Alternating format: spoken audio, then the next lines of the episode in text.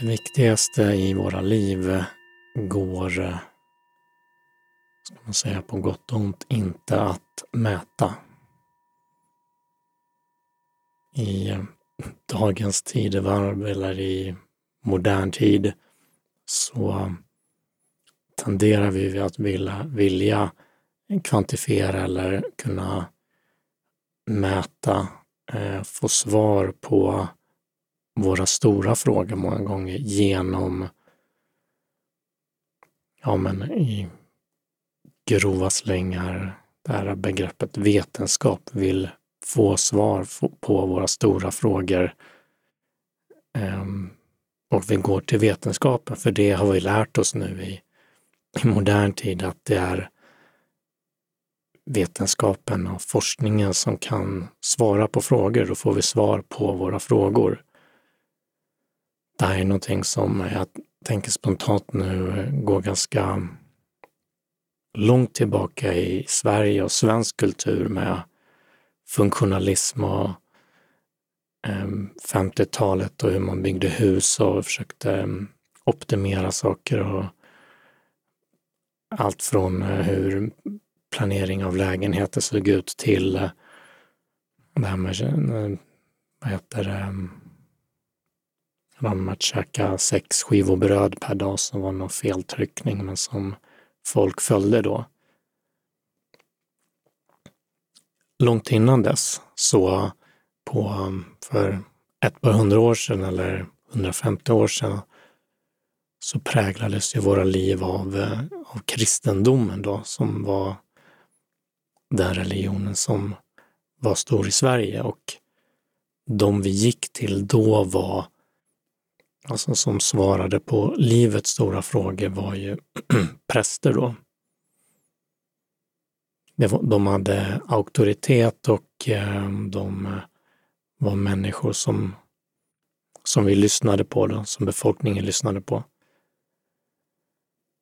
Sen så separerades ju kyrkan från staten och Sverige är väl världsledande även i det. Att bli en sekulär stat istället då, som är fri, eh, fri från kyrkan.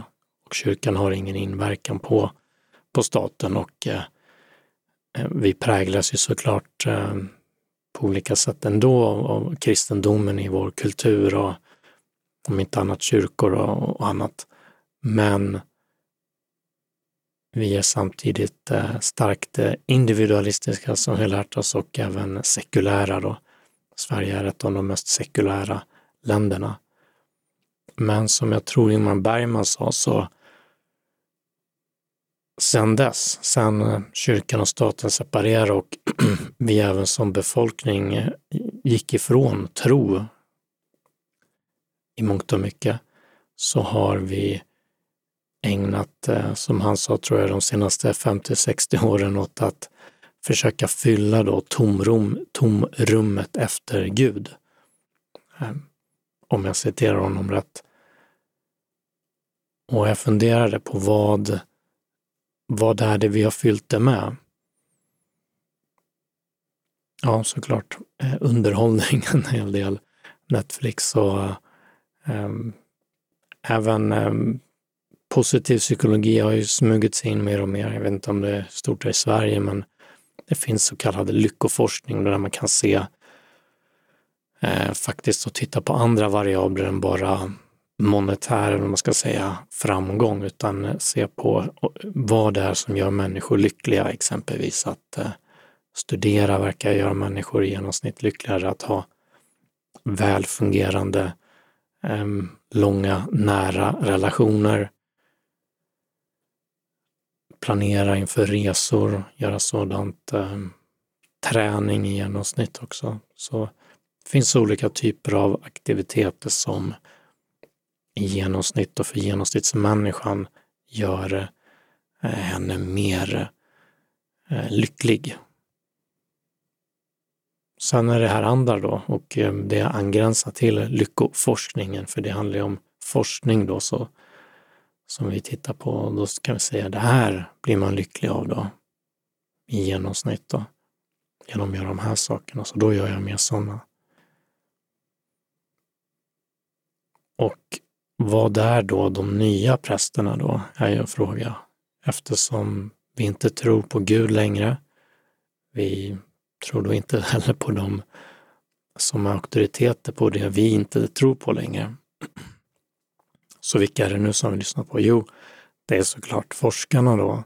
Forskarna, de är som jag ser det vår tids nya, nya präster som um, svarar på i mångt och mycket samma frågor. Allt från hur vi ska äta, vad som är bra barnuppfostran, vad som är bra psykoterapi, vilken som är den bästa bilen att köpa, vilken är den bästa investeringen att göra. Och även som sagt också vad det är som gör oss, så, gör oss lyckliga. Och på det sättet så finns det ju um, definitivt någonting bra att hämta där. Det är bra att veta vad som i genomsnitt gör en, en människa lycklig. Det är någonting vi annars många gånger inte vet om, utan de naturliga biologiska mekanismerna, den, ja, den programmering vi kommer med från evolutionen styr oss inte mot de sakerna om vi inte har en typ av individuell tur bara. Att vi dragit den lotten i genpoolen, att vi är intresserade av eh, specifikt intresserade av sådana saker som gör oss lyckliga. Annars är det ju, tenderar det att vara ja, men klassiska status, eh, pengar, sex, partners, makt, inflytande, kändisskap som hänger ihop med det. Det är de grejerna som vi, vi strävar mot. Det är de så att säga, begären som vi har, som vi, vad vi längtar efter och vill ha. Och det vet vi också genom forskningen då att i genomsnitt så tenderar de grejerna inte göra oss lyckliga. Självklart om vi lever på ja, någon typ av existensminimum så, så mår vi definitivt bättre av att ha mer pengar på, på kontot. Så upp till en viss gräns skiljer sig lite grann åt, men när vi är uppe på det så blir vi inte längre lyckliga av pengar och vi slutar inte oroa oss eh, för vår inkomst bara för att vi tjänar 60-100 000 i månaden. Det vore ju trevligt om det var så, men de, den biologiska programmeringen sitter ju i. Så den är obegränsad, eller man ska säga. Det finns obegränsat med, eh, ja, den stänger inte av helt enkelt. Den är alltid på.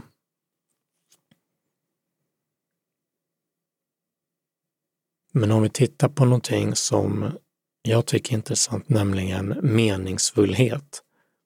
Att leva ett meningsfullt liv.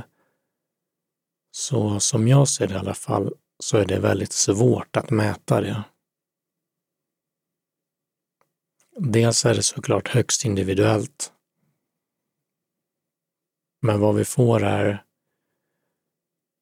igen någonting som är eh, som mest en, en skattning eller liknande av vår inre, vår inre upplevelse som vi kan sedan aggregera och lägga ihop och säga att det här är saker som folk generellt tycker är meningsfullt att hålla på med.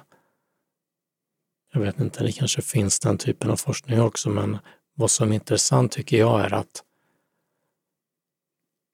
vi går till vetenskapen för att få svar på, dem, ehm, på olika typer av frågor. Men i våra individuella liv så dels kan vi inte få nästan några svar alls på hur vi ska göra som individer. Det vill säga även inom fält som om vi tar då psykoterapi eller medicin eller något sånt som där vi har eh, gott, god data på vad det är som fungerar för en genomsnittsmänniska så säger det inte, så vet vi inte vad som passar för dig då. Vad behöver du för typ av psykoterapi? Är det en psykodynamisk eh, orienterad psykoterapi? Vill du ha en man, kvinna, hen som terapeut? Är det någon som har eh, en rogeriansk stil och väldigt inlyssnande eller någon som är lite mer strukturerad och kommer med hemläxor eller mer, ännu mer åt eh, KBT-hållet då som man säger med exponering och uppgifter och hemläxor och psykoedukation. Vad är det som blir bäst för dig? Det svarar ju inte forskningen på. Den pratar bara om genomsnittsmänniskor.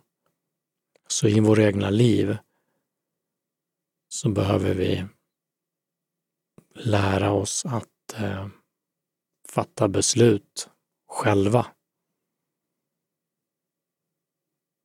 Och lyssna inåt. Lyssna in och lita på vår inre kompass, inre upplevelse.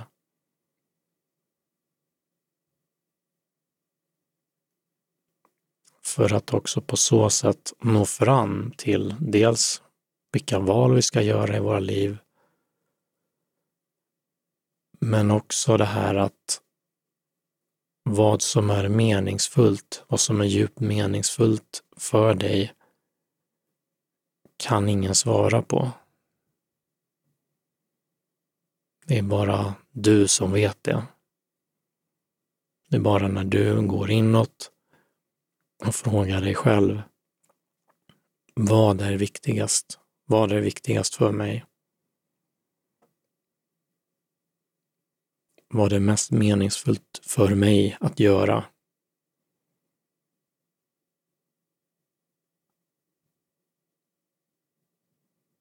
Och vidare att vi ställer oss den frågan. Men en annan intressant grej vad gäller meningsfullhet så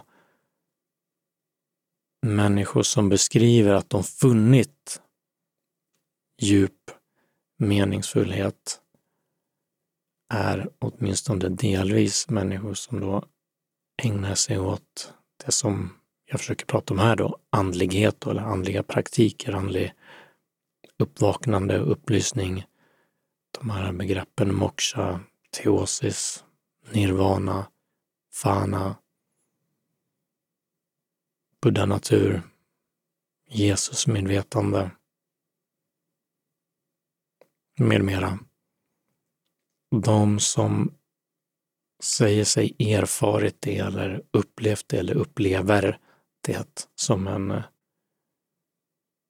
vardag säger att de också upplever djup meningsfullhet i sina liv. Det tenderar att korrelera med de upplevelserna. Att vakna upp är då djupt meningsfullt.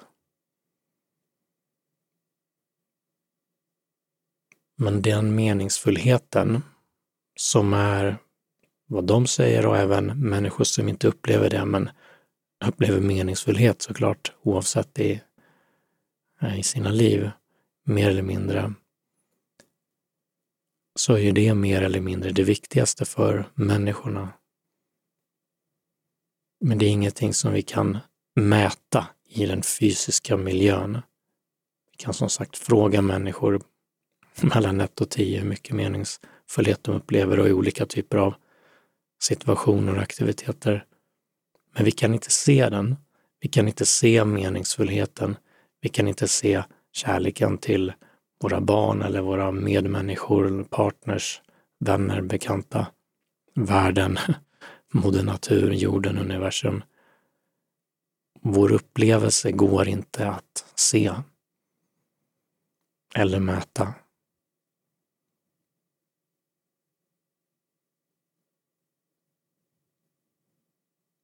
Så det som är viktigast för oss i våra liv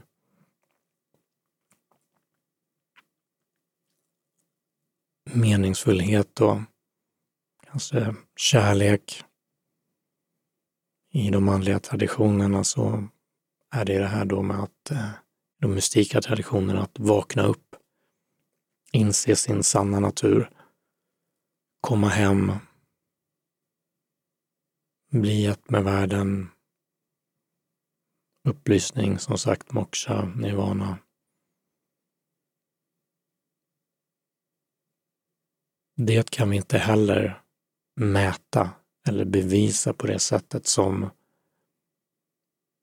mycket av den vetenskap som vi annars eh, vill referera till eller vill ska besvara olika typer av frågor eh, ge svar, alltså med eh, hänvisning till saker i den objektiva världen.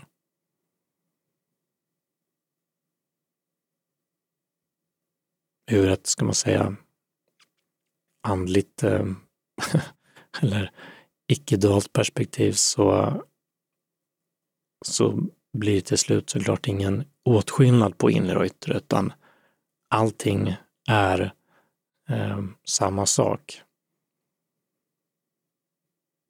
Men om vi håller oss i den relativa världen så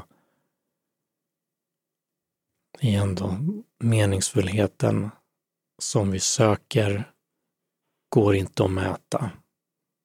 Och den går in, ingen kan heller berätta för oss vad det är vi som individer behöver göra för att så att säga uppnå den eller få mer av den.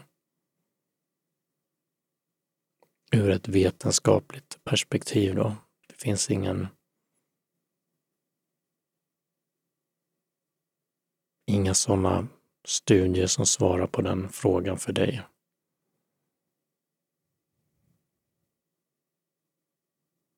Men vad de här traditionerna då som inte är vetenskap, men som behandlar den inre upplevelsen, upplevelsen av att vara människa, upplevelsen av att uppleva världen. Vad de säger då, eller uppmuntrar till, eller inbjuder till, är ju att just det, att titta inåt. Ställa sig frågan exempelvis, vem är jag? Eller vad är det här?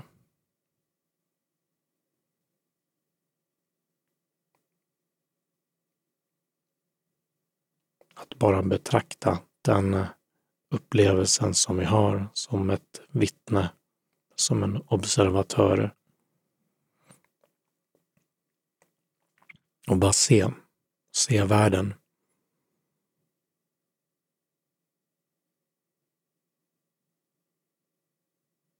ställa sig frågan, vem är det som ser? Vem är det som lyssnar? Vem är det som hör ljuden?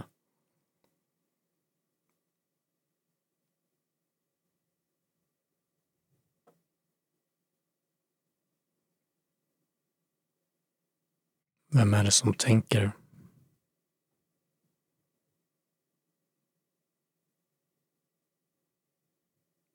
De frågorna tar oss inåt. Tar oss närmare vad traditionerna många gånger kallar för roten. Närmare oss själva. Närmare sanning. Närmare mer meningsfullhet också.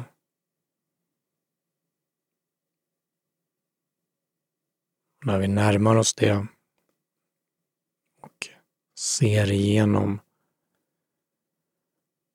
vad vi trodde var våra liv så öppnar sig en ännu djupare meningsfullhet.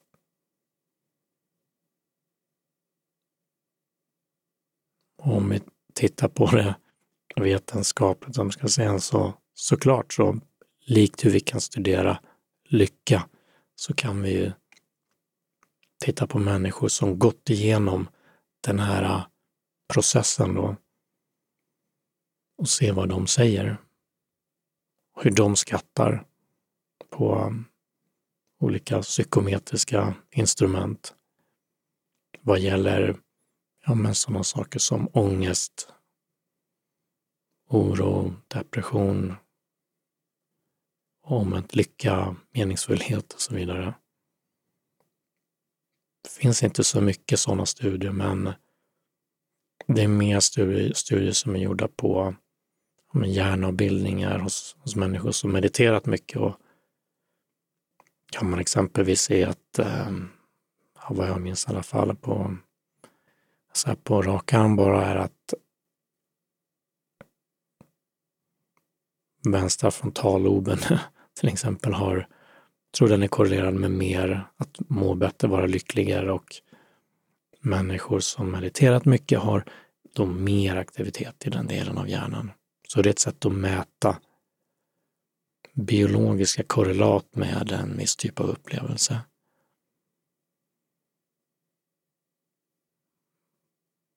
Default Mode Network är nätverket av hjärnregioner som ger upphov till, eller tros vara med och eh, ge upphov till en upplevelse av jag, eller själv, narrativt själv. Det ser man också att meditation hjälper eller gör så att aktiviteten i det nätverket minskar. Överaktivitet är korrelerat med depression och en minskning av aktiviteter tenderar då att vara korrelerat med motsatsen. Så igen då ett typ av biologiskt korrelat eh, till må bra då. Och vad människor säger som, som har som då kanske lite aktivitet i default mode network eller har övat upp mer aktivitet i vänstra frontalloben eller tror jag, vänster om det inte var högra då. Och eh, mediterat då som det ofta är i många år. Jo, vad de säger är liknande också, att de har mycket mindre tankar, mindre identifikation med det narrativa, historiska, autobiografiska självet. Och de mår bättre, upplever mer meningsfullhet.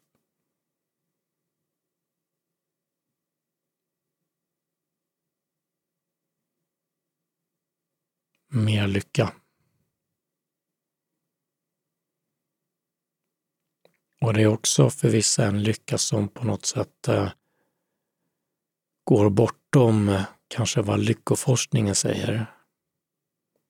Jag minns en eh, filosof, en av mina favoritfilosofer, Ken Wilber, brukar prata om med uppvaknande och säga hurts more, bothers you less. Så det är inte det här ja, som vissa beskriver effekter av eh, SSRI, mm, den här antidepressiv medicinering, står för Selective Serotonin Reuptake Inhibitor, så selektiva Eh, seroton, serotonin återupptagningshämmare då på svenska. Lyckopiller, lyckopiller också kallat. Där tenderar känslor, eh, både positiva och negativa, i någon mening mattas av det blir lite mer flatline, eller man ska säga, på känsloregistret överhuvudtaget. Och det gör ju att många blir mer stabila och så där kan vara hjälpsamt för många människor. Men eh, eftersom både topparna och dalarna försvinner. Men vad Ken Wilber pratar om då med det här att eh, med uppvaknande, om vi ska kalla det det, eller bli mer eh, innerlig i sig själv och faktiskt känna ännu mer, så är det inte att nödvändigtvis eh, det citattecken dåliga försvinner, utan det är att identifikationen med det, identifikationen med jaget att dras med i, kan man säga, känslorna och tankarna, oron och så. Den minskar. Identifikationen med det och benägenheten att dras med minskar. Men de finns kvar. Så hurts, som man säger, even more, hurts more, så kan göra ännu ondare för vi blir mer transparenta på många sätt motsatsen till mycket, eh, en hel del medicinering som tenderar att ta bort symptom eller minska symptom. Vilket kan vara högst funktionellt och bra, så inget eh, negativt i det, men eh, andlighet så som jag ser det och eh, andliga praktiker så som meditation tenderar inte göra det då. Utan de utökar förmågan att kunna uppleva överhuvudtaget, utvidgar vad man i vissa psykoterapeutiska metoder kallar för, vad säger man? Ett fönster, ett upplevelsefönster eller ett toleransfönster. Vad vi klarar av och kan tolerera. Menar jag på inget sätt att eh, meditation skulle vara eh, någonting istället för psykoterapi eller så, utan för väldigt många olika typer av tillstånd och sådant så är såklart eh, psykoterapi att föredra. Och det fungerar många gånger på liknande sätt, att öka förmågan att, eh, om det är psykologisk flexibilitet i acceptance commitment therapy eller om det är toleransfönstret, eh, de som pratar om en viss eh, somatic experiencing exempelvis. Eller i, ibland KBT har en har föräldrar som kan, eh, som vi kan kliva in i och hantera svårare saker.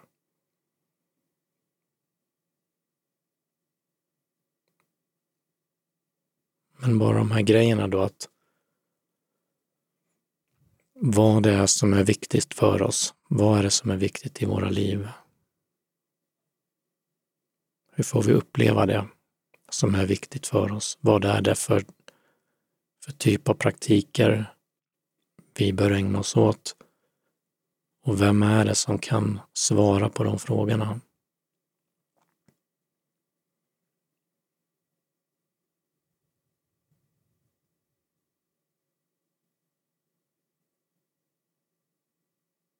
Ja, det får vi, min bild är att vi måste fråga oss själva det de frågorna, de svaren finns inte riktigt. Vi kan inte gå och slå upp i någon tidning vad någon forskare säger att vi ska göra. Vi måste gå till, till oss själva. Vi behöver, nu ger jag det rådet, men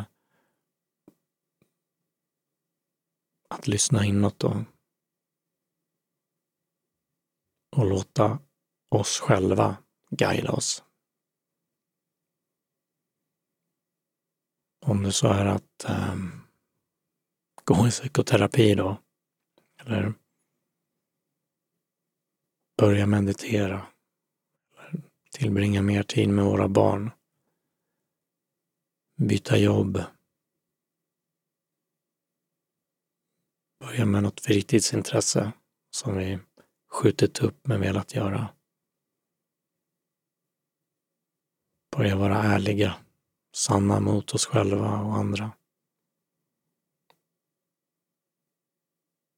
Vad den är som vår inre kompass guidar oss att göra, att börja lyssna på den, för det är den sanna mästaren, skulle jag säga i alla fall. betyder inte att vi inte lyssnar på vad andra säger, vänner, kompisar, bekanta, forskare för den delen, andliga traditioner.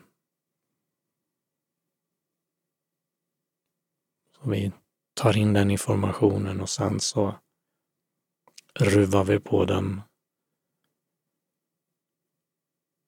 och litar på vad vår intuition säger oss att vi ska göra.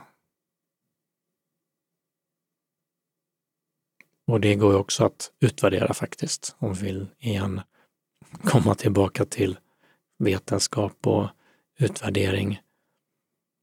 Vi kan testa.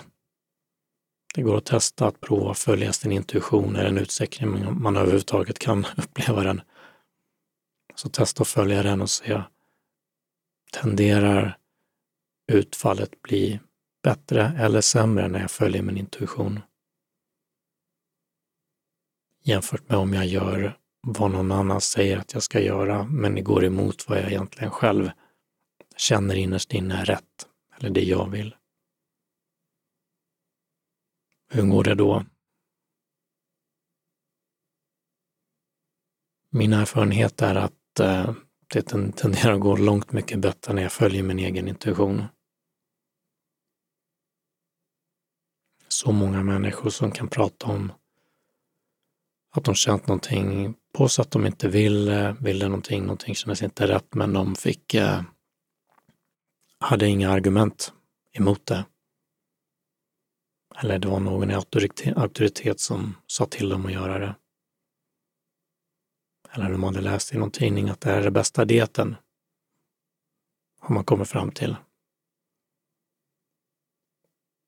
Det är också en sån sak som är så intressant. Man kan tycka att eh, dieter är ju ett eh, relativt avgränsat, eh, faktiskt i mångt och mycket fysiskt fenomen där vetenskapen borde nog kunna veta nu vad som är den bästa dieten. För att ja, vara hälsosam eller gå ner i vikt eller vad nu folk vill göra. Men trot eller ej, det är nästintill omöjligt att eh, mm, orientera sig i djungeln av olika dieter som sägs vara baserade då på forskning och fakta och studier. Allt från ketodieter och Atkins och LCHF och sådana här så kallade fettdieter, fett och proteindieter till McDougall eller vad de heter och Starch Diet och mera ja, men asiatiska dieter som innehåller mycket ris och kolhydratsfokus. Till medelhavsdieter, till Dukan, till paleodieter. finns de som är vegetariska, finns de som äter nästan bara kött. Uppenbarligen är det många olika personer som får gott resultat med en otrolig variation av dieter. Och det finns ingen, ingen bevisad diet, så vet jag vet i alla fall, som är den bästa. Eller den som man bör käka. Igen, är väl ingen ehm, ingen stor tanke så, att det, men att det har igen att göra med den variation och individuella skillnader som föreligger mellan olika människor.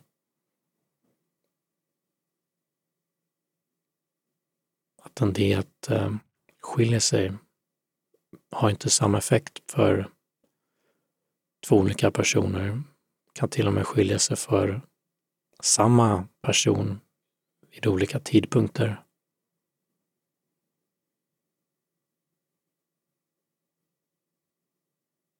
Men igen, som ett sånt fenomen som det så kan vi inte ens landa i den generellt bästa dieten för, för människor. Det är vitt spridda åsikter om det hos forskare då, de som den moderna tidens präster då.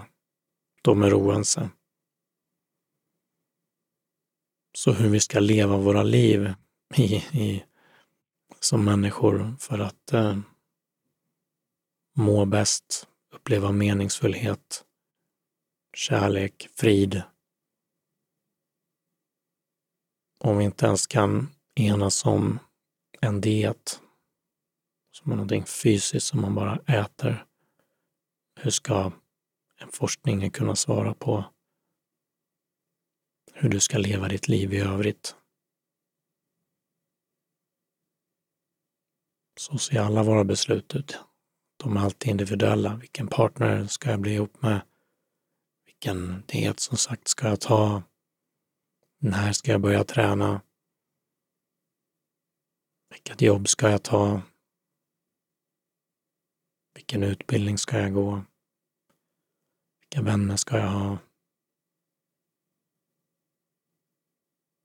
Hur ska jag leva mitt liv? Det finns bara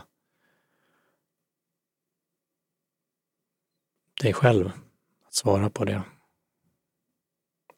Och det är det traditionerna säger också vad gäller andlighet och uppvaknande. Det finns såklart väldigt mycket auktoritet som säger och guru som, ja, som säger något annat och att gör så här och så här. Men många säger också att du är gurun. Du är den du söker. Du är ditt eget hem. Du sitter på svaret. Du är redan det du söker. Du är redan svaret på din fråga.